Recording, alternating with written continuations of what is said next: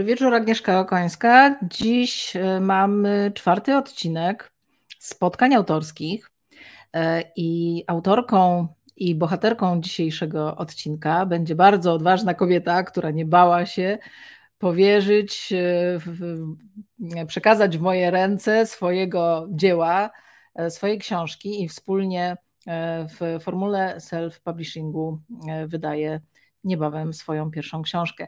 Moim gościem dzisiaj jest Tatiana Galińska. Witam cię serdecznie, Tatiana. Bardzo się cieszę, że jesteś dzisiaj z nami. E, I tak e, zawsze mm, mam taki zwyczaj, że bez względu na to, w którym cyklu są moi goście, to, to zawsze daję im szansę, żeby przedstawili się sami, bo któż o nas nie powie tak dobrze jak my sami. Dobrze, więc to myślę, że dobry wieczór dla wszystkich, którzy są z nami na żywo i dzień dobry dla każdych y, kolejnych osób, które będą w retransmisji, mam nadzieję, nas oglądać. No, w skrócie, wiecie, jak to jest, zawsze jest najtrudniej powiedzieć w kilku zdaniach o sobie. No, no, Tatiana Galińska to jest kobieta spełniona, ja tak myślę, bo niedawno miałam wywiad i pamiętam, że to pytanie mnie tak postawiło do pionu. Tak, Tatiana to kobieta spełniona, no chociażby przez to, że wydała książkę, ale tak naprawdę, no to co, no to też mama, to też kobieta biznesu, taka kobieta, która myślę sobie, że podjęła ważną decyzję w, w zeszłym roku, żeby wydać swoją książkę, która będzie uhonorowaniem, takim podkreśleniem i taką klamrą spinającą wszystkie jej doświadczenia zawodowe i życiowe.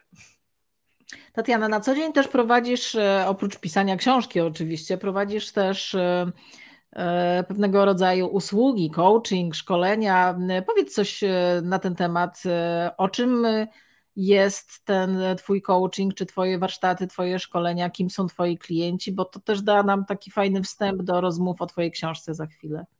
Okej. Okay. Działam dwutorowo mm, i myślę, że tak te ostatnie 16 lat, odkąd prowadzę własną działalność, pracuję na własnych zasadach, na, na własne nazwisko, to jest taka działalność dwutorowa. Z jednej strony są to, jestem trenerem biznesu, więc to są warsztaty i szkolenia i coraz więcej i, i jednak idę w stronę moich autorskich warsztatów, choć oczywiście jeżeli jest zapotrzebowanie z firm, to takie takowe robię. One się wszystkie opierają na temat komunikacji, rozwijania marki osobistej szefa, czyli budowania boss brandingu w dużej mierze. Natomiast mam bardzo duży wycinek tej mojej pracy takiej na sesjach indywidualnych pracy one-to-one i jest to mm, nie wiem, czy ja bym chciała to nazwać coachingiem, choć w dużej mierze oczywiście mhm. są to narzędzia coachingowe, ale też mentoring. Natomiast ja pracuję swoją autorską metodą, która łączy bardzo wiele podejść, i bardzo wiele narzędzi, pracuję holistycznie, dlatego jak ktoś mówi, że przyjdę na ciebie na, do ciebie na coaching, to ja w pierwszych zdaniach mojego spotkania zawsze mówię, ale ja nie pracuję czystą metodą coachingową. Mm -hmm. Łączę wiele podejść, więc i kto jest moim odbiorcą? Y, moim odbiorcą są właściwie możemy powiedzieć te wszystkie osoby, które do, dochodzą do takiego momentu, które chcą, bez względu na, na miejsce w organizacji, y, które chciałyby i chcą zobaczyć u siebie coś, co, co można byłoby albo poprawić, albo zmienić, może chcą się czegoś pozbyć, czyli tak naprawdę pracują ze swoją tożsamością, no bo ona jest plastyczna. Czy jestem szefem, czy jestem kierownikiem, czy jestem pracownikiem niższego szczebla, to jeżeli mam w sobie gotowość, żeby coś przetransformować, no to mogę przyjść do Tatiany. Tak myślę. Ale to, co powiedziałaś, właśnie mm, taki taka hybryda między coachingiem, mentoringiem e, i, i, prowadzeniem takich warsztatów, powiedzmy sobie, szkoleniowych, czy czasami nawet zahaczając trochę o terapię różnego typu, e, to, to moim zdaniem taki trend jest w tej chwili, dlatego że ja też wiem po sobie, jak osoby przychodzą typowo na coaching albo na mentoring, to na przykład przychodzą na mentoring, oczekują, że będą E, spotykać się z jakimiś narzędziami typowo coachingowymi i odwrotnie przychodzą na coaching, a chcą koniecznie, żeby im coś z własnego doświadczenia albo też, e, z, albo też po prostu doradzić, czego coaching mhm. po prostu nie robi. E, mhm. I kiedyś tu mm, z kimś z moich poprzednich gości właśnie rozmawiałam na ten temat, że to jest taki mhm. nowy trend, który się w tej chwili rodzi. Pewnie osoby, które robią typowy coaching są oburzone z tego powodu, ale to jest e, potrzeba rynku. No przecież e, to, jaki mamy popyt na daną usługę, generuje podaż, e, a nie trochę odwrotnie. Więc myślę, że jeżeli klienci od nas takich właśnie łączonych metod, czy tak jak powiedziałaś sama, holistycznych metod oczekuje, to to jest najlepsza forma, żeby im po prostu to dać. Ale Witamy w międzyczasie wszystkich, którzy są z nami na Facebooku, na LinkedInie, na, na YouTubie. Fajnie, że, że dajecie znać, że jesteście. Możecie też w międzyczasie zadawać pytania na czacie mhm. E, i ja postaram się je w jakiś sposób e, wpleść pomiędzy swoją listę pytań, którą mam dzisiaj do Tatiany tutaj przygotowaną. E, powiedz, bo mówiłaś, że mm, to, że wzięłaś się za pisanie własnej książki jest swego rodzaju takim spięciem, klamrą, zamknięciem jakiegoś etapu. Ale kiedy przyszło ci do głowy, żeby, e, żeby właśnie napisać książkę i czy to się rodziło jakoś długo, sączyło, czy tak nagle w pewnym momencie zaskoczyło, napiszę książkę? E, I jak to Tatiana, z dnia na dzień zrobione. E, dobra, ja już to kiedyś mówiłam przy, przy, przy okazji jakiegoś wywiadu, więc jak ktoś już go widział, to się powtórzy, ale myślę, że część osób, która jest tutaj z nami, nie słyszała tamtego wywiadu u Doroty, więc powiem. it Przede wszystkim nie myślałam w ogóle o książce, to żeby była jasność, mhm. dlatego że zawsze siebie postrzegałam jako mistrzynię krótkiej formy, czyli jeżeli e, e, ilość ograniczona, ilość znaków na LinkedInie to 3000, to, to ja tak do, dopychałam do tych, do tych 3000 i ludzie mhm. mówili, że i tak moje posty, które czytają są bardzo długie. Mnie się wydawało, że to jest dosyć krótka forma na te moje storytellingowe wszystkie opowieści, ale ponieważ bardzo często po moich warsztatach albo właśnie po, po reakcjach, ponieważ ja publikuję bardzo regularnie, e, dostawałam takie takie zapytania, informacje, e, czy, czy, czy więcej jest tych historii, gdzie to można znaleźć i tak dalej, no to mhm. gdzieś tam mówię, chyba jest jakaś potrzeba a propos tego, co ty też mówiłaś, że, że, że nie wszyscy są w stanie e, skrolować mój, mój profil i szukać tam tych postów dwa lata wstecz, prawda, bo tego jest sporo. Natomiast e, tak właściwie, i, i pamiętam, że po jednym z warsztatów tym, tych moich menadżer sercem, jedna z uczestniczek powiedziała, wiesz co, weź ty kobito usiądź i to, to wszystko gdzieś tam skataloguj i coś z tym zrób, bo tego jest bardzo dużo, plus to, co mówisz na tych warsztatach i to bez tego ci książka wyszła. Ale ja powie wtedy, powiedziałam do niej, wiesz co, dziękuję ci bardzo, rzeczywiście to chyba jest trafne, co mówisz, ale ja teraz nie mam na to przestrzeni w ogóle, nie czuję tego, nie postrzegam siebie w kategorii autorki. No ale minęło kilka miesięcy, może pół roku i byłam na warsztatach takich warsztatach samorozwojowych, ja jako uczestnik. I pamiętam, że prowadząca powiedziała, y, y, to było takie duże przesłanie, że jak idziemy w świat i w tym naszym życiu też, nie tylko biznesowym, naszym osobistym, jesteśmy uważni, to zauważamy znaki. No i pamiętam, że tak sobie to wzięłam do serca, no dobra Galińska, no to gap się na te znaki, co ten wszechświat ci pokazuje i mówi. I to jest sytuacja, y, to był dokładnie lipiec, sam początek lipca w zeszłym roku, czyli 2022. I wróciłam z tego warsztatu w niedzielę i w trzydniowy warsztat, i w poniedziałek rano napisałam post, tylko nie pamiętam, czy to był post storytellingowy, jakaś moja historia osobista, czy historia mojego klienta. Natomiast wtedy trzy osoby, trzech mężczyzn, nieznanych mi w ogóle, spoza sieci moich kontaktów, napisali bardzo bliźniacze wręcz komentarze typu niech pani, niech pani w końcu książkę o tym wyda, albo to się nadaje do książki i trzeci był jakiś zbliżony. Mhm. I ja sobie myślę, dobra Tatiana, to chyba są właśnie znaki, nie? I ponieważ jestem z cyklu bardzo szybko działających, to przywołam tutaj naszą wspólną znajomą, dr Katarzynę Krawczyk, którą followuję i czytałam jej jej y, całą historię o książce, którą ona właśnie wydała u ciebie, czyli tą książkę słynną o Jagodzie, o przygodzie, mhm. o przygodach Jagody. I szybciutko na LinkedInie, tak trochę zawstydzona, napisałam do niej, czy mogłaby się ze mną spotkać na online kawę i coś mi powiedzieć, jak to jest w tym takim self-publishingu, bo ja się tym już od jakiegoś czasu gdzieś tam y, może interesowałam, czy, czy mhm. słyszałam. No i z Kaśką się szybciutko umówiłyśmy i powiedziała mi o tobie bardzo dużo ciepłych słów i ja natychmiast mówię, dobrze, to ja do Agnieszki napiszę, co czyniłam na dzień drugi chyba. No i, no i tak. Jesteśmy. Jesteśmy. Ale powiedz, czy myślałaś w międzyczasie, bo to, to, to że mi zaufałaś i, i, i przyszłaś do mnie ze swoim self-publishingiem, to oczywiście jestem Ci e, bardzo wdzięczna. E, bo, bo jestem dumna z tego, że ta książka będzie miała mój mały znaczek na, na okładce, bo, bo uważam, że jest to świetna książka. Ja ją już czytałam, mam ten przywilej.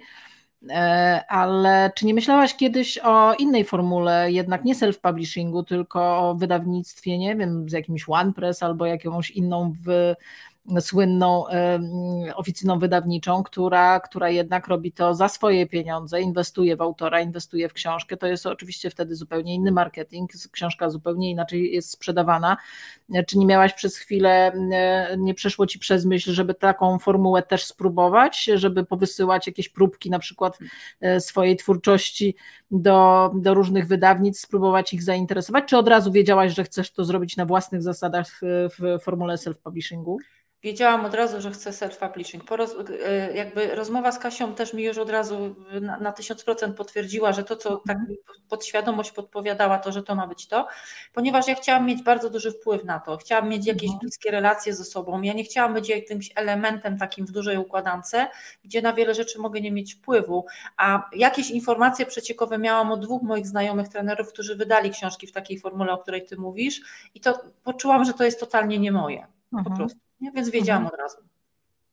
Tu, ma, tu się z Tobą zgadzam, bo nawet wielu redaktorów i korektorów tekstu ma takie jednak e, e, pewnie tradycja gdzieś i, i, ten warsztat, który się ciągnie e, za e, takim e, tradycyjną formą wyda, wydawania książek, bo self-publishing jest co najmniej w Polsce e, całkiem młody i jeszcze mało ugruntowany, ale Badania pokazują, że self-publishing na całym świecie rok do roku wzrasta o kilkaset procent, mhm. więc świadomość e, autorów albo osób, które chcą być autorami albo piszą coś własnego i chcą wydać, wzrasta z roku na rok i, e, i pewnie za jakiś czas te wydawnictwa tradycyjne też się zreflektują i zaczną troszeczkę inaczej postępować z autorami, bo wypadną z rynku po prostu.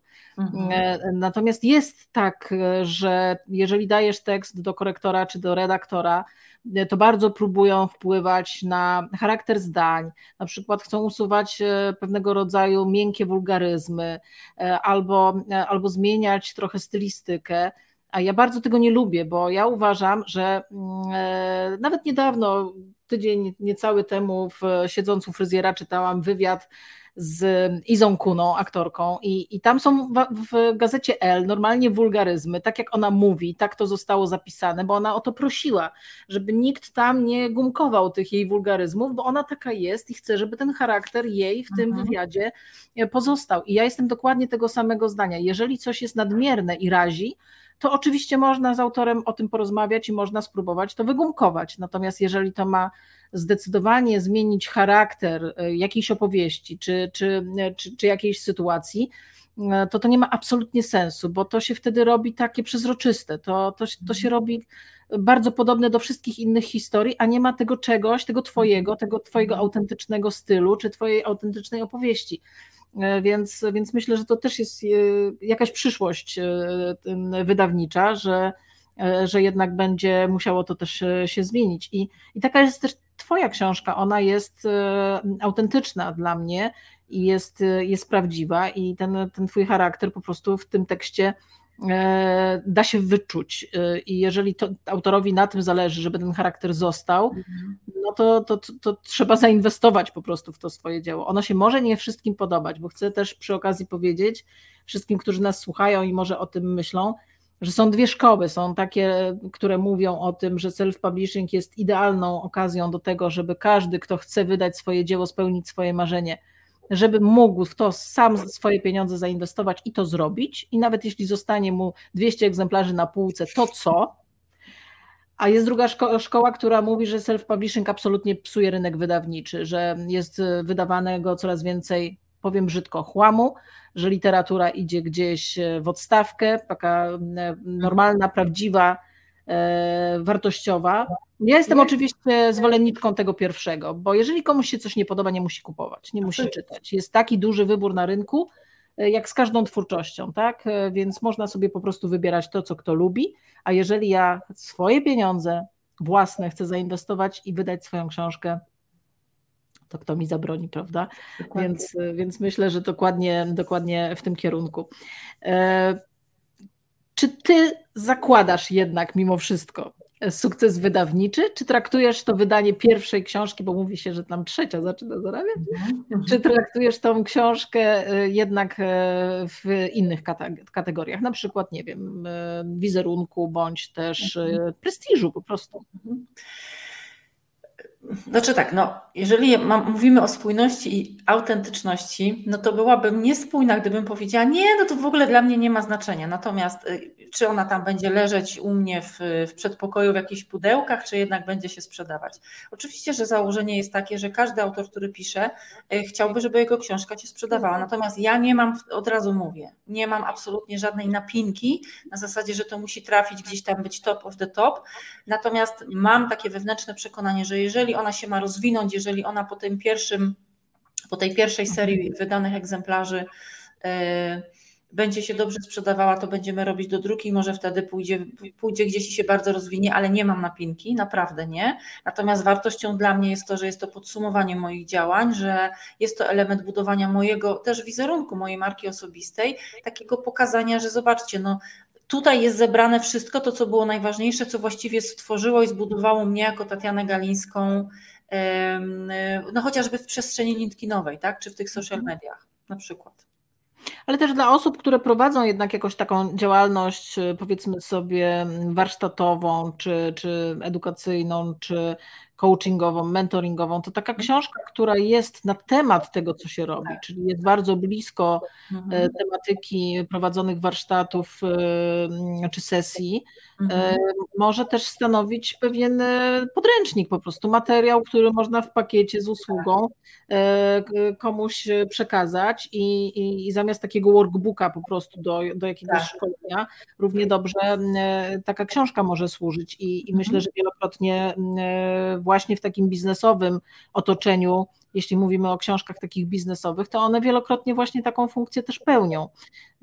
I, i, i to też jest y, jakaś wartość sama w sobie, moim zdaniem. Mhm, tak. A teraz trochę z drugiej strony, czy obawiasz się albo obawiałaś się przed podjęciem tej decyzji, e, na przykład krytyki, że, że ten tekst, który zostanie wydany w formie książki, że będzie w jakiś sposób przez kogoś, nie wiem, skrytykowany, negatywnie oceniony, e, albo że ona się po prostu w ogóle nie będzie sprzedawała? Czy miałaś jakieś takie demony gdzieś w sobie? Nie, demonów nie miałam, y, dlatego że mm, pisząc bardzo osobiście, tak jak ja to często używam tego określenia tak z bebechów, y, to ponieważ ja miałam y, na tym etapie od tych dwóch, no powiedzmy czterech lat, wiem, nie dwóch, czterech, już tak bardzo mocno przerobione te tematy, że to był ten moment, kiedy ja już mogłam z bardzo dużym takim dystansem i swobodą pisać o tych mhm. trudnych rzeczach. To y, jakby śledząc to, co się działo zawsze pod moimi publikacjami, to w 90% to były takie bardzo pozytywne komentarze na, na zasadzie jesteś dla mnie inspiracją, to niesamowite, co piszesz, piszesz o mnie, ja miałam tak samo. Pojedyncze komentarze, które się pojawiały, to były komentarze hejterskie, totalnie z dupy, niezwiązane z merytoryką tej książki, więc wiadomo, że nie mogłam tego brać do siebie, znając mechanizm y, y, obronny, którym kieruje się mhm. hejter. Mhm. Więc y, nie, tego w ogóle nie brałam pod uwagę, ale sobie zdaję sprawę z tego, że mm, jest część ludzi, która nigdy tego nie zaakceptuje, co zrobiłam, ale to jest ich, a nie moje. I mhm. Także nie miałam takich, w ogóle takich myśli. No dobrze, to uchylmy trochę rąbka tajemnicy, bo przecież nie każdy czytał tą książkę jak ja. Można powiedzieć, że są pojedyncze osoby, które nam e, e, pomagają e, przy tworzeniu tej książki, napisały oficjalne recenzje. O czym jest Twoja książka, Tatiana? Jakbyś mogła tak, nie opowiadając w całości, żeby jednak zostawić pewien niedosyt, ale też zainteresować. O czym jest książka, powiedzmy to, bez kija w tyłku? Tak. E, no właśnie, książka bez kija w tyłku jest, tak jak jest y, podtytuł tej książki, o trudnych emocjach w biznesie i w życiu, więc y, myślę sobie, że chyba najważniejszym elementem to jest roz, rozpakowanie tego, co, co to jest ten kij w tyłku bo oczywiście wiele osób, które gdzieś tam pisało w tych przestrzeniach e, social mediów do mnie, że super hashtag, w ogóle coś niesamowitego, fajnie, fajnie, no to wiecie, to nie jest tak do końca, że to jest takie bardzo śmieszne, bo ten kij w tyłku jest tym rodzajem naszego usztywnienia, tego, tych wszystkich naszych mechanizmów obronnych, tego, że w danym momencie naszego życia, też w przestrzeni biznesowej, gdzieś utykamy, zauważamy swoje programy e, albo ich nie zauważamy i właśnie może ta książka nam je pokazać, mhm. więc Wszystkie elementy, które nas usztywniają, czyli ten kij w tyłku, to jest to, co kiedyś tam się zadziało wcześniej w naszym życiu. No i znając to powiedzenie, pewnie niektórzy znają, może niektórzy nie znają, mamy w życiu tylko dwa problemy, mamę i tatę, albo ten drugi pod tytułem nikt z nas z dzieciństwa nie wyszedł cało. no to to nam pokazuje, że trzeba sięgnąć do korzeni, bo to, gdzie tutaj utknęliśmy, to, gdzie tutaj teraz jesteśmy, z czymś nam nie wychodzi, odgrzewamy kotlet, wchodzimy w jakieś bardzo właśnie duże trudne dla nas emocje, których może nie, nie do końca rozumiemy. Perfekcjonizm, pracoholizm, wszystkie te nasze holizmy, to, że nie mamy dystansu do siebie, to, że tak tyramy, tego jest bardzo, bardzo dużo, to to gdzieś zawsze miało swoją genezę. I ta książka jest w dużej mierze o tej genezie. Czyli o tym, jeżeli teraz masz lat 30, 40, 50 i z czymś utykasz i coś ci się powtarza, to prawdopodobnie należałoby się zastanowić, co spowodowało, że ten kij tam został wsadzony, albo co tam za program został uruchomiony, który teraz cię doprowadził do tej sytuacji. Więc to, to tak, może to jest enigmatyczne, co powiedziałam, natomiast to jest książka o tym, która, która o tym, co nam pokazuje, co się dzieje z nami, kiedy nie grzebiemy w tym, co było wcześniej, tylko chcemy szukać plastrów, chcemy szukać narzędzi, a one nie będą działać, póki nie zrozumiemy, co nas zaprogramowało. Więc w książce są opisane historie, zostały zmienione tam oczywiście dane i imiona, są opisane historie moich klientów. Ich było naprawdę no, przez tych 16 lat bardzo dużo, więc jak widzisz, wybrałyśmy ich tam, nie wiem ile, nie pamiętam już teraz. 16. No właśnie tak myślałam, około 20. Plus jest opisana też moja historia, całej mojej przemiany, bo to, co ja robię zawodowo, wynika tylko i wyłącznie e, z tego, że ja też tego doświadczyłam, a potem się o tych wszystkich rzeczach też nauczyłam, więc. Kiedyś słyszałam niedawno taką wypowiedź jakiejś, e, nie, nie, pamiętam kto to był, jakiejś, jakiejś osoby takiej publicznej, która mówiła, że podobno jest tak, że najlepszym nauczycielem jest ten, kto przeszedł to, czego uczy.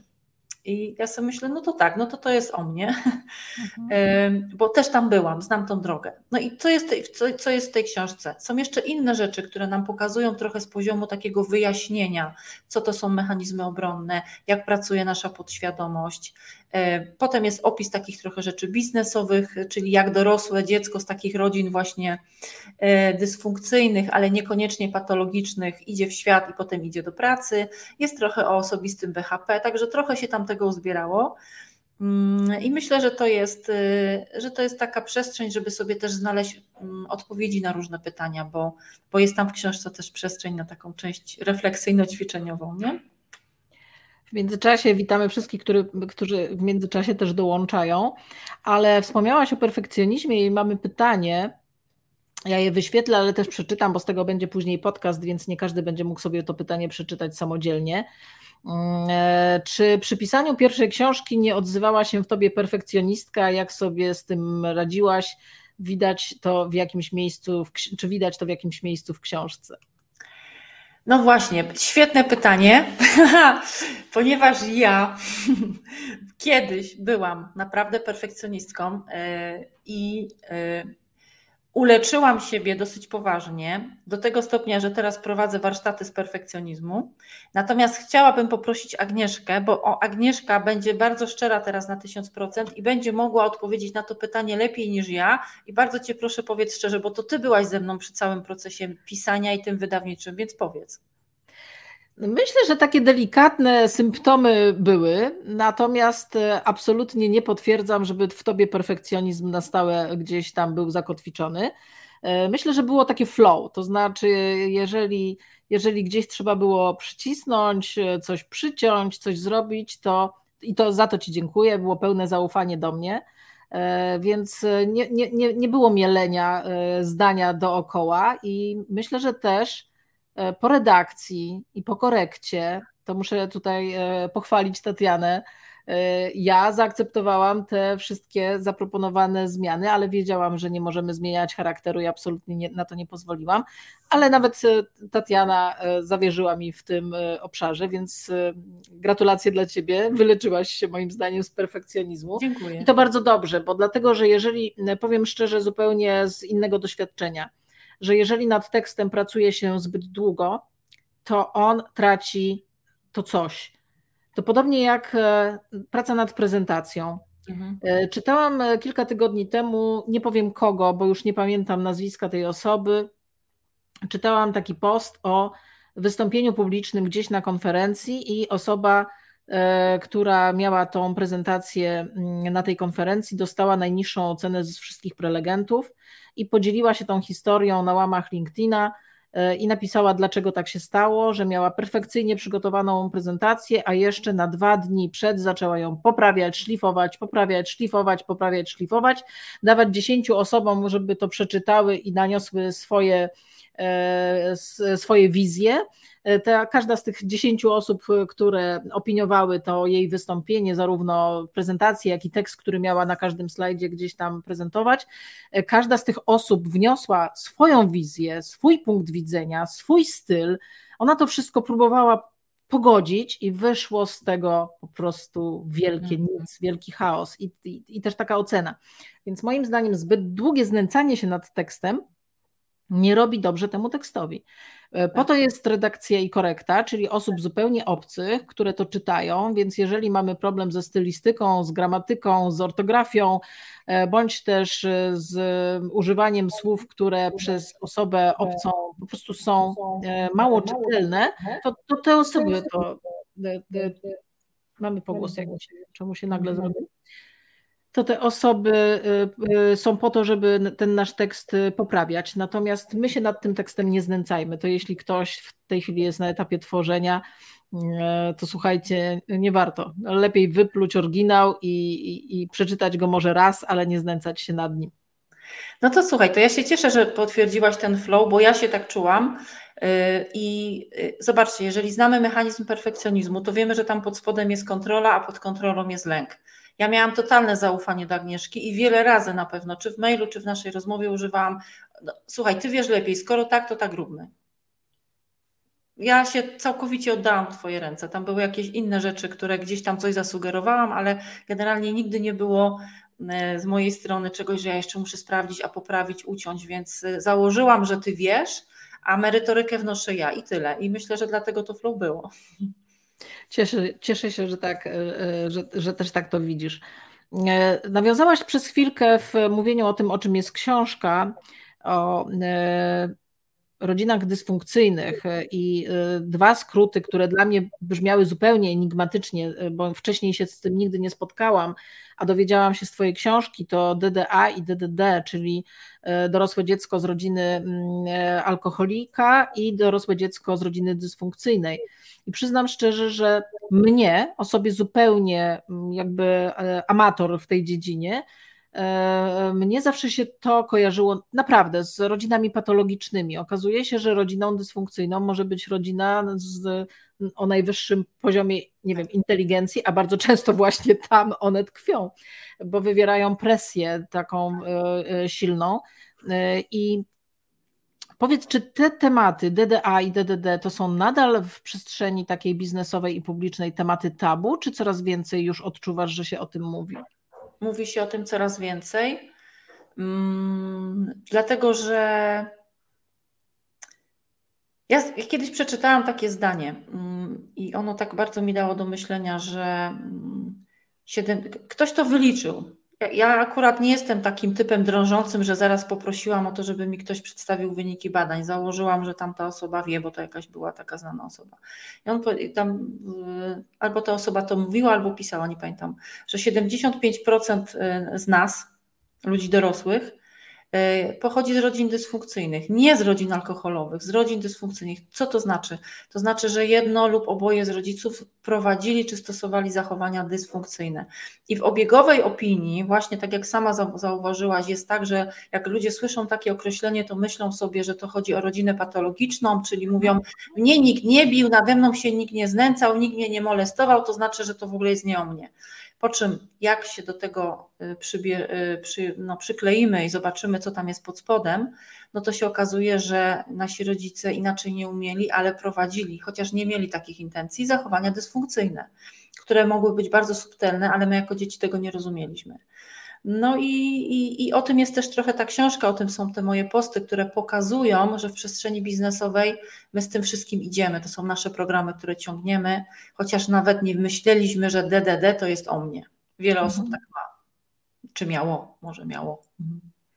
Ale to rozmawiałyśmy y, jeszcze zanim y, tutaj weszłyśmy na, mm, y, na live rozmawiałyśmy o tym, że ja po przeczytaniu Twojej książki u siebie może nie zauważyłam, chociaż jakby byś ze mną popracowała, to może byśmy do jakichś innych wniosków doszły, ale jakby u siebie pierwszych objawów nie zauważam, natomiast y, zupełnie w drugą stronę zaczęłam patrzeć, czy ja nie wywieram presji na swoje dorosłe dzieci y, i czy y, za chwilę one nie będą miały problemów, że są z rodziny dysfunkcyjnej, bo tu matka dogina po prostu perfekcjonizm gdzieś tam zaszyty, wymaga od siebie dużo, to wymaga też dużo od, od swoich dzieci i kilka, kilka razy wręcz je o to spytałam, więc taka samorefleksja, autorefleksja po, po czytaniu tej, tej książki się włącza i myślę, że, e, e, że to jest też plus tej książki, właśnie taki trochę autoterapeutyczny.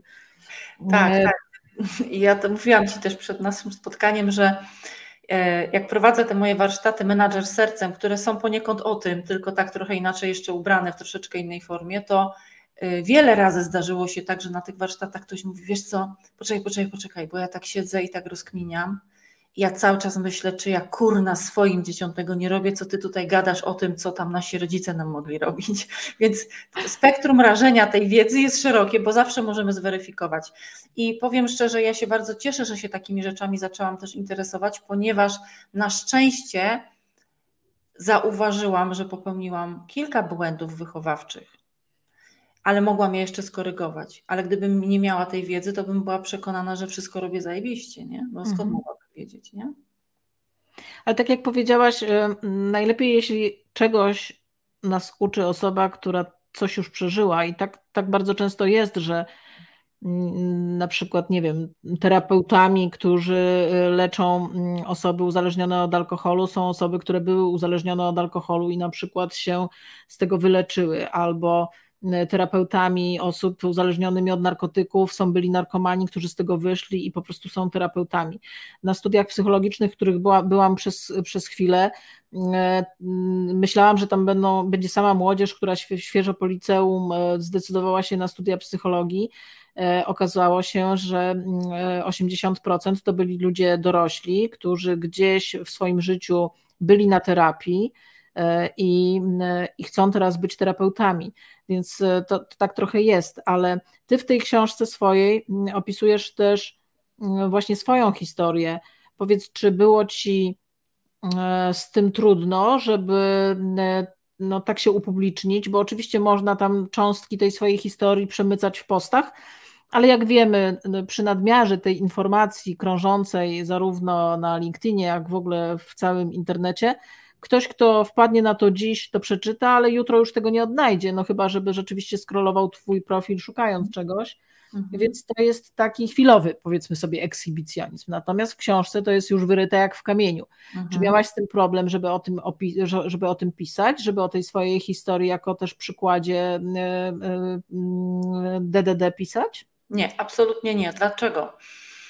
Dlatego, że przez ostatnie dwa lata, ponad dwa lata pisania moich postów, właśnie no, w, w, w podobnym wymiarze i, i sposobie, Naprawdę, uwierzcie mi, moi drodzy, dostaję, dostawałam i dostaję bardzo dużo prywatnych wiadomości, gdzie ludzie po prostu mi piszą: Słuchaj, dzięki Ci dzisiaj za ten post, bo to jest o mnie. Dzisiaj to napisałaś to i to, i to było o mnie. Dziękuję Ci, że mhm. tak to widzisz. Naprawdę, tyle ciepłych słów, które ja dostaję od ludzi, których kompletnie nie znam. Na przykład ktoś mówi: Czytam Twoje posty już od pięciu, czytam siedmiu miesięcy i teraz odważyłam się, żeby do Ciebie napisać, bo to jest też moja historia i tak dalej. Więc. Yy, po, po dwóch latach dostawania takich regularnie takich wiadomości stwierdziłam, że okej, okay, to ten mój ekshibicjonizm jest, jest okej, okay, jest normalny. Tam nie ma chyba jakichś przegięć w którą stronę. Mhm. Tak to poczułam. No jestem sobą, no opisuję swoją historię. Wiesz jak to jest?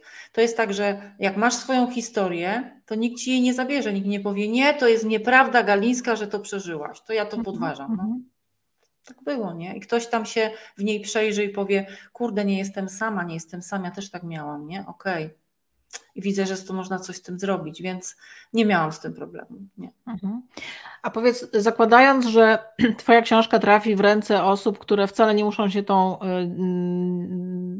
tym obszarem, tą dziedziną interesować, bo dla tych, którzy nie wiedzą, książka jest wydawana też w takiej formule nie tylko self-publishingu, ale też self-publishingu z takim z tak zwanym patronatem. To, to taka moja mini, powiedzmy sobie, autorska metoda na to, żeby osoba, która inwestuje swoje pieniądze w wydanie swojej książki, E, mogła taki trochę crossfunding zrobić przed wydaniem tej książki i zainteresować zakupem jeszcze zanim ona się ukaże, więc osoby kupujące wcześniej trochę współfinansują tą książkę i są patronami. Więc zakładam, że mogą się trafić takie osoby, a wiem, że się trafiają, bo zarówno przy wydaniu książki mm, Jagoda Kasi Krawczyk, ale też przy wydaniu mojej książki. Wiele osób kupuje na, na naszą książkę, bo, bo nas lubi, bo nas zna, bo chce współuczestniczyć w tym tak.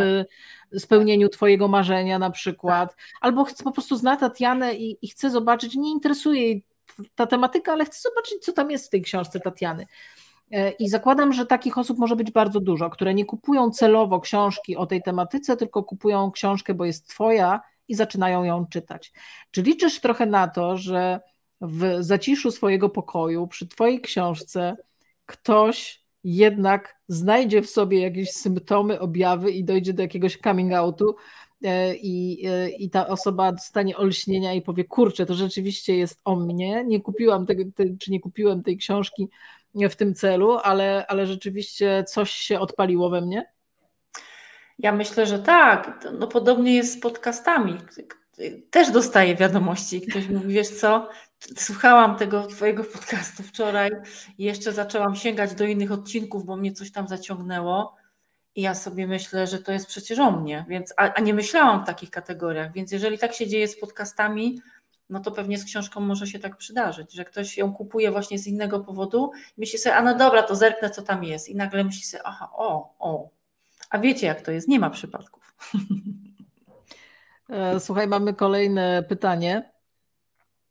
Co powiesz osobie, która ma mało czasu, czyta 10 stron, odkłada i wraca za tydzień? Czy taki czytelnik się pogubi, czy da radę? W kontekście mojej książki, tak, czy w ogóle tak, książki? Tak, tak, twojej książki. Nie, to ja myślę sobie, że to jest taka książka, która. Y, y, to jest książka, do której można wracać w różnych momentach, od tyłu, od środka. Y, I myślę sobie, że to nie będzie tak, że jeżeli ktoś zacznie czytać moją historię, a potem pójdzie do historii klientów, to się coś zaburzy Yy, myślę sobie, że spokojnie nie straci wątku i że jest to. Jakby, sama powiedz, jak to jest. Czy to jest, czy to jest rodzaj poradnika? Tak nie do końca.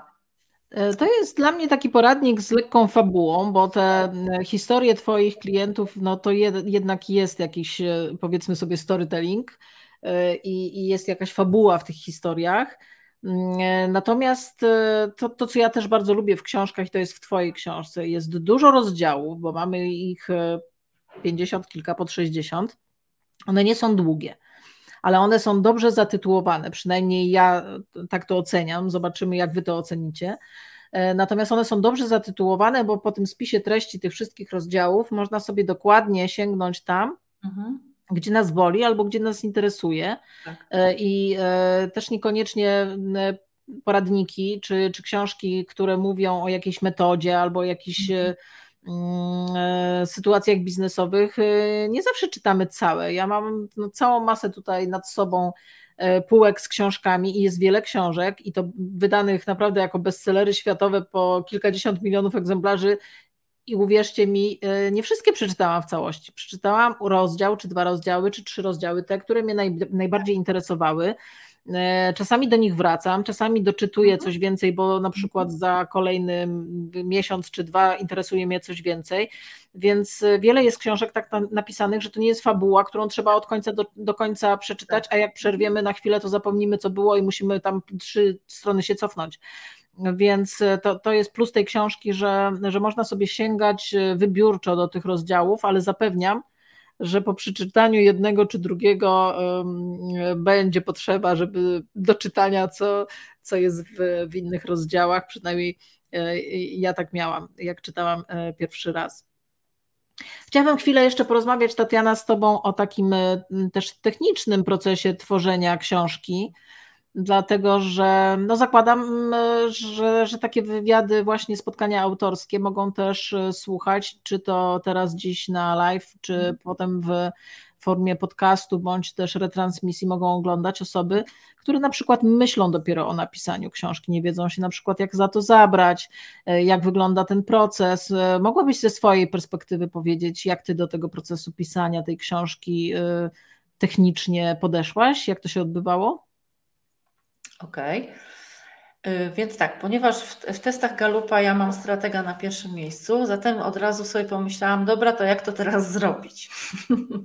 Bo jakby wiedziałam, że mam pewną bazę, pewne rzeczy. Zresztą ja Ciebie też pytałam, mhm. czy, czy, czy, czy moje materiały, moje wcześniejsze, wszystkie te takie popełnienia, to co pisałam, czy to jest możliwe do użycia, czy ja to mogę coś w tym zmienić. I ja sobie wtedy postanowiłam, że część materiałów, które mam, tak jak się odniosłam do tych na przykład moich postów, które były kiedyś jeszcze dawno pisane, ja je mogę rozwinąć, bo ilość znaków w social mediach mi nie pozwalała, a tutaj te historie mogę napisać pełniej mogę je rozwinąć, całe spektrum tej osoby pokazać i zachowań.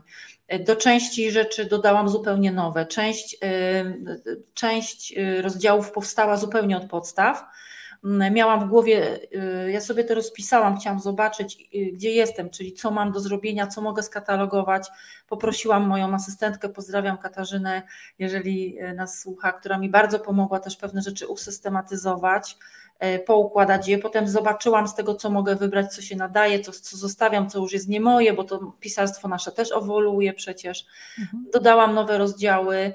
No i, i pamiętasz, że sukcesywnie Ci wysyłałam to, z czym pracowałam. I przyszedł też taki moment, e, i to był taki fajny też czas w moim życiu, bo ja postanowiłam, że polecę sobie na Teneryfę na tydzień i na tej Teneryfie będąc, E, kończyłam tą książkę. Domykałam te rozdziały, które byłam wtedy sama, sama, sama, zupełnie sama poleciałam. To był taki cudowny dla mnie czas. E, I tam tą książkę dokończyłam. Także tak to wyglądało. Może to brzmi bardzo prosto, nie było aż takie proste, ale też nie było jakieś strasznie trudne i obciążające. Może jest trudniej, jak ktoś by chciał napisać książkę tu, tak zupełnie, może z tematem, który który na przykład, nie wiem, nie jest bardzo biznesowo związany z tym, co robi, jest taki około biznesowy, no to może wtedy trzeba byłoby za, zacząć totalnie od zera. To może być wtedy może taki ból twórczy, no ale od czego tu zacząć? Nie wiem, ja go nie miałam. Ja już jakby, jak, jak powiedziałam A, no to mówię, dobra, to teraz B, to chcę to poukładać i pójść dalej. Mm, ale też nie wiem, czy pamiętasz i też mogę polecić innym osobom pytajmy o feedback, może nie tak jak w przypadku tej prezentacji, o której Ty mówiłaś, ale ja, ja Cię prosiłam o feedback, żebyś Ty mhm. zerknęła na to, czy to ma sens, co ja Ci zaproponowałam. Bo jak tego jest za dużo, to wywalamy. Jak jest mhm. czegoś za mało, to ja dodam inne historie żeby też nie zostać z tym samym. I myślę sobie, że widzisz właśnie dlatego w takim self-publishingu, w Twoim wydawnictwie, ta, wiesz, ten kontakt jest tak bliski i ta, ta relacja jest tak skrócona, że my sobie możemy telefonicznie czy mailowo pewne rzeczy szybciutko przegadywać, rozwiewać wątpliwości, a w takim wydawnictwie pewnie byłabym z tym sama, nie wiem. Czy się mylę? Ale to też jest ważne, że to, to też jest ważne, co, co z Twojej opowieści w tej chwili wybrzmiewa i myślę, że to też warto podkreślić, że to nie musi być tak, że my mamy napisaną w 100% całą książkę, ułożoną z rozdziałami, podrozdziałami, spisem treści, wszystkim przypisami, jeśli są potrzebne. I dopiero wtedy możemy szukać wydawnictwa, które nam tą książkę wyda. Ona może, książka może jakby trwać, ona może się tworzyć w momencie już współpracy tak. E, I ona się też zmienia podczas tej współpracy, bo tak naprawdę to tak jak przy pisaniu e, e, pracy dyplomowej, słuchajcie, no, spis treści powstaje na końcu, tak. czyli, czyli powstaje jakiś flow tej książki, jakiś pomysł, czasami się zamienia rozdziały. Przecież my tak. też mm, na początku ten spis treści Twojej książki zupełnie inaczej wyglądał i dlatego nawet na landing page'u Twojej książki tam zamieściliśmy, że jest to poglądowy spis treści, żeby potem tak. ktoś nas nawet ze słowa nie ciągnął. E, bo, bo to powstaje, do samego końca mhm. powstaje I, e, i, i myślę, że to też, e, też jest fajne, że, że ten proces tworzenia jest tak rozłożony w czasie, bo, bo pewnie trudniej by było też przyjąć jakieś cięcia, jak już gotowy tekst, z którym gdzieś czułabyś się, że to jest twoje, dajesz komuś, a ktoś ci tam miesza, przestawia, e, zmienia kolejność, wycina. E, tak. Oczywiście perfekcjonizm jedna strona, ale druga strona ta spójność, tak? bo, bo już coś sobie ułożyłaś w głowie, jak ktoś teraz pomieszał. A co innego, kiedy to powstaje we, w takiej współpracy i gdzieś jest poukładane, więc myślę, że to też jest jakaś forma, że jeżeli myślicie o napisaniu książki, to nie musicie z jej wydaniem czekać do samego końca, ona może w trakcie gdzieś tam tak. powstawać i się tworzyć. Czy gdybyś miała jeszcze raz e, zacząć pisać tę samą książkę, e, to zrobiłabyś coś inaczej, czy uważasz, że poszło wszystko tak, e, jak, jak byś chciała? Nic, nie zmieni- nic bym nie zmieniła. Nic. Nie, nie. Naprawdę nie. No, jak było flow i było takie poczucie, to też tak, ja myślę sobie, że duża praca z poziomu mojej takiej intuicji. Ja wiedziałam, że to jest tak, że to tak ma być nic bym nie zmieniła. Nie, na pewno nie. Jeszcze mamy jedno pytanie od Jarka. Dzięki Jarek za Twoją aktywność, bo wtedy nasze rozmowy są e, ciekawsze, e, bo nie tylko moje pytania. E, czy oprócz redakcji Agnieszki Wsparcia Katarzyny było jeszcze jakieś mniej formalne wsparcie i konsultacje, trudne momenty, restarty, zmiany koncepcji? Hmm, czy były trudne momenty? Hmm. No, pojawił się gdzieś tam jeden mój trudny moment, ale to był mój trudny moment związany nie z pisaniem książki, tylko taki życiowy, osobisty bardzo, o którym może nie, końca, nie do końca bym chciała teraz mówić. Hmm, I, ale czy on mnie jakoś zatrzymał? Ja wtedy podzieliłam się z Tobą tą informacją i nawet sobie powiedziałam, hmm, Czasami jest tak, że jak twórca jest taki nieszczęśliwy, to mu się lepiej pisze, bo jakbym była na takim haju i byłabym taka super zadowolona, to bym nie miała motywacji do pisania. Ja sobie tak wtedy to wytłumaczyłam. Ale nie miałam zwątpienia, czy ten proces jest ok, czy to może za długo, że ja może nie dam rady.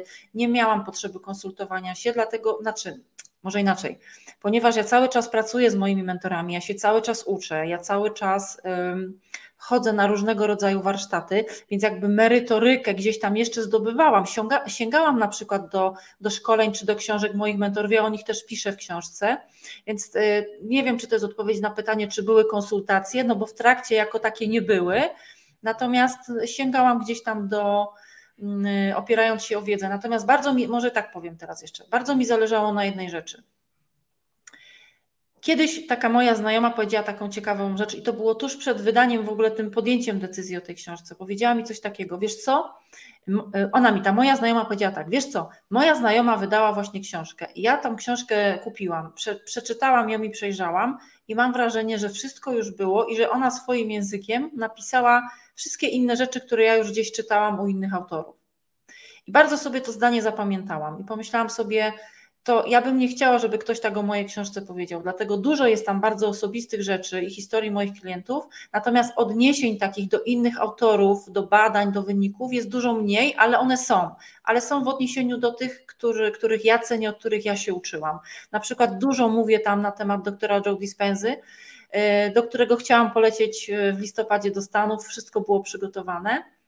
No ale warsztat się nie odbył. Za to teraz w lutym, za dwa tygodnie, Joe Dispenza jest w Polsce, pod Warszawą i jadę do niego na warsztat, więc spełnia się moje marzenie, tylko się przesunęło w czasie.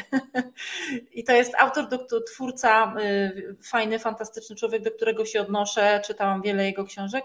Moim marzeniem było polecieć do Stanów na warsztat, a teraz on jest w Polsce z warsztatem, więc to tak tylko przy okazji dodaję.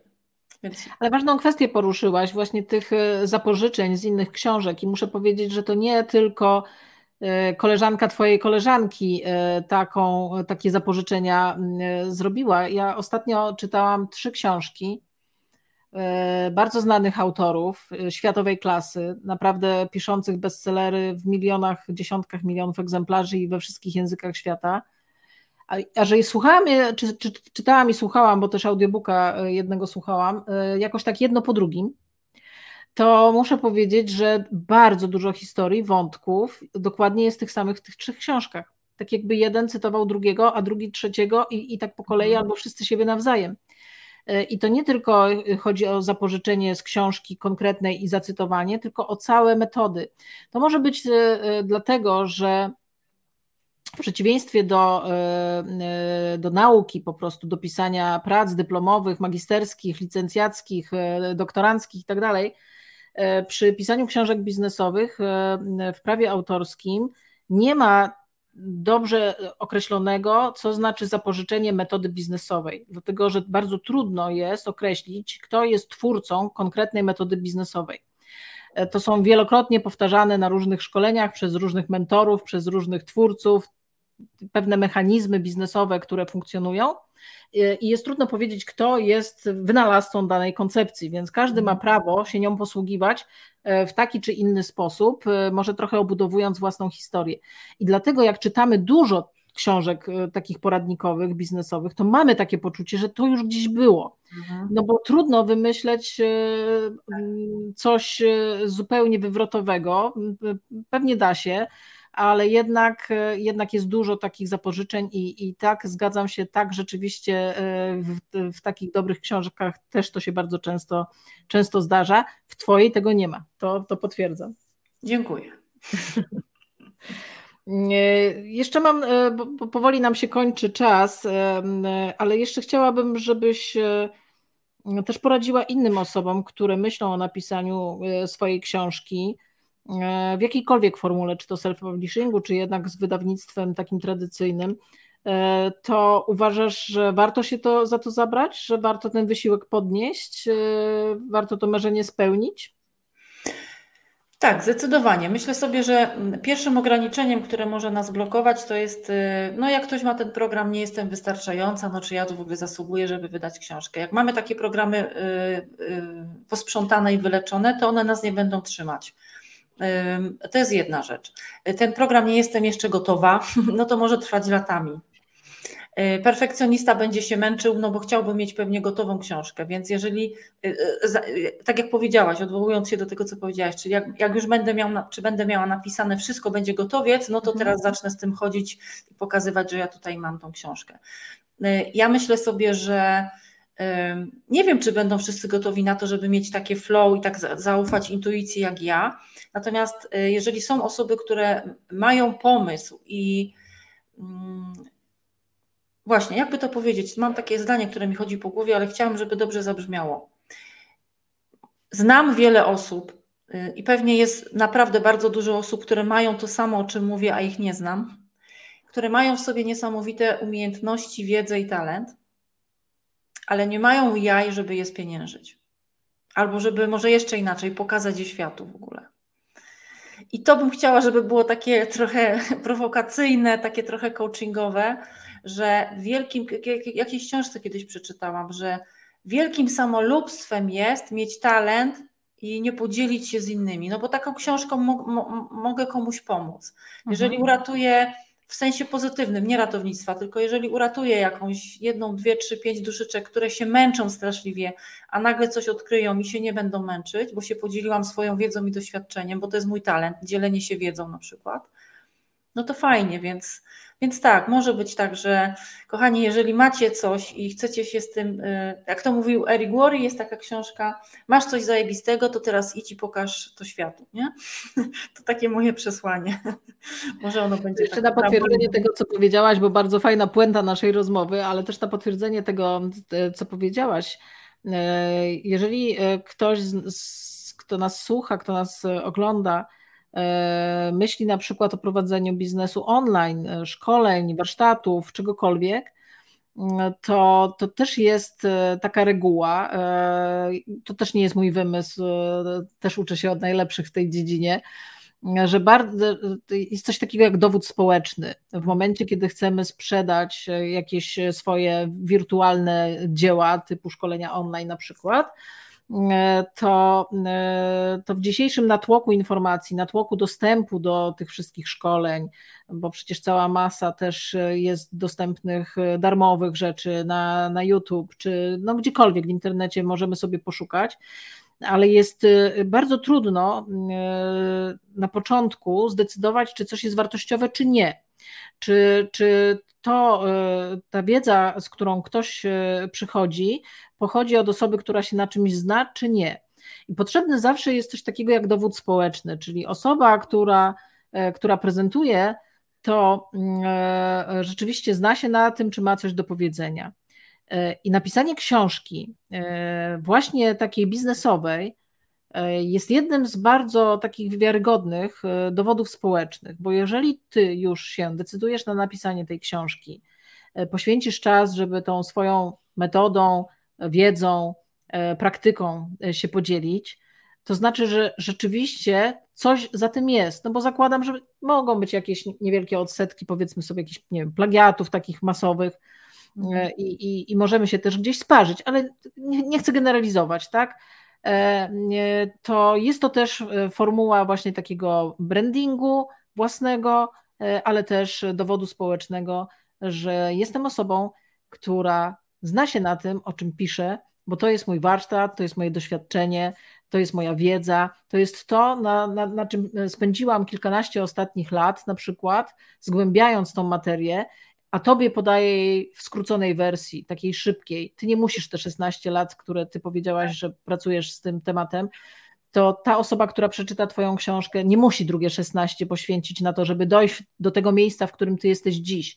Ona może do ciebie, y, od Ciebie dostać skróconą wersję tego, na co Ty pracowałaś tyle lat. I myślę, że to jest fajne y, i że, i że to jest taka wartość y, dla mnie nie, nie, nie, nie, nie do wycenienia, bo, bo to jest naprawdę kupa, kupa czasu, kupa poświęcenia i, i też doświadczenia, którym się chcesz podzielić. To jeszcze ostatnie pytanie. Mhm. Co Cię najbardziej ekscytuje w całym tym procesie wydawniczym, albo co Cię będzie ekscytować? Czy to, jak ją, do, tą książkę do, za chwilę dostaniesz do ręki, czy jednak proces tworzenia? Co jest dla Ciebie najbardziej fascynujące w procesie wydania książki? Wiesz co, no to, to, mm, ja myślę, że to tak jak z macierzyństwem, tak, że najpierw się jest podekscytowanym tym, że się jest w ciąży, potem, potem przychodzi to dziecko na świat, potem coś trzeba z nim zrobić, jakoś go ukształtować i tak dalej. Więc y, używając tej metafory, to myślę, że tak, no, y, pierwszy stopień ekscytacji był taki, ok, dobra, let's do this, zróbmy to, no, robimy to, więc jest fajnie. Potem te emocje opadły, no bo już się wszystko układało, czyli były te działania organiczne, a teraz znowu mam w sobie taką, jakby druga fala przyszła, bo y, no, w marcu będzie, będzie premiera książki, więc będę mogła ją obwąchać, dotknąć, poczuć. Będę mogła napisać dla każdej z tych osób, która mnie wsparła i każda osoba, która w przedsprzedaży kupiła, dostanie ode mnie y, oczywiście osobistą dedykację, więc to jest takie niesamowite, że się ma taki wpływ bezpośredni też na to, ten proces wysyłki. No i, no i właśnie, no ale też ja się tak nastawiam na to, że chciałabym pójść, teraz się widzimy online, mamy taki, taki wywiad autorski, ale y, tak jak podpytywałam Cię, ja bym chciała zrobić jakieś takie spotkania autorskie w realu, E, trochę po, pobyć z nowymi osobami, które przyjdą, e, posłuchać, co mają do powiedzenia, spojrzeć im w oczy, bo ja taka jestem, wiecie, że tak lubię obwąchać. Mimo, że ciągle pracuję online, to bardzo sobie cenię ten offline, więc jestem podekscytowana na te spotkania e, takie na żywo też bardzo, więc to jest taka ekscytacja dla mnie. Także to tak chyba etapami przebiega.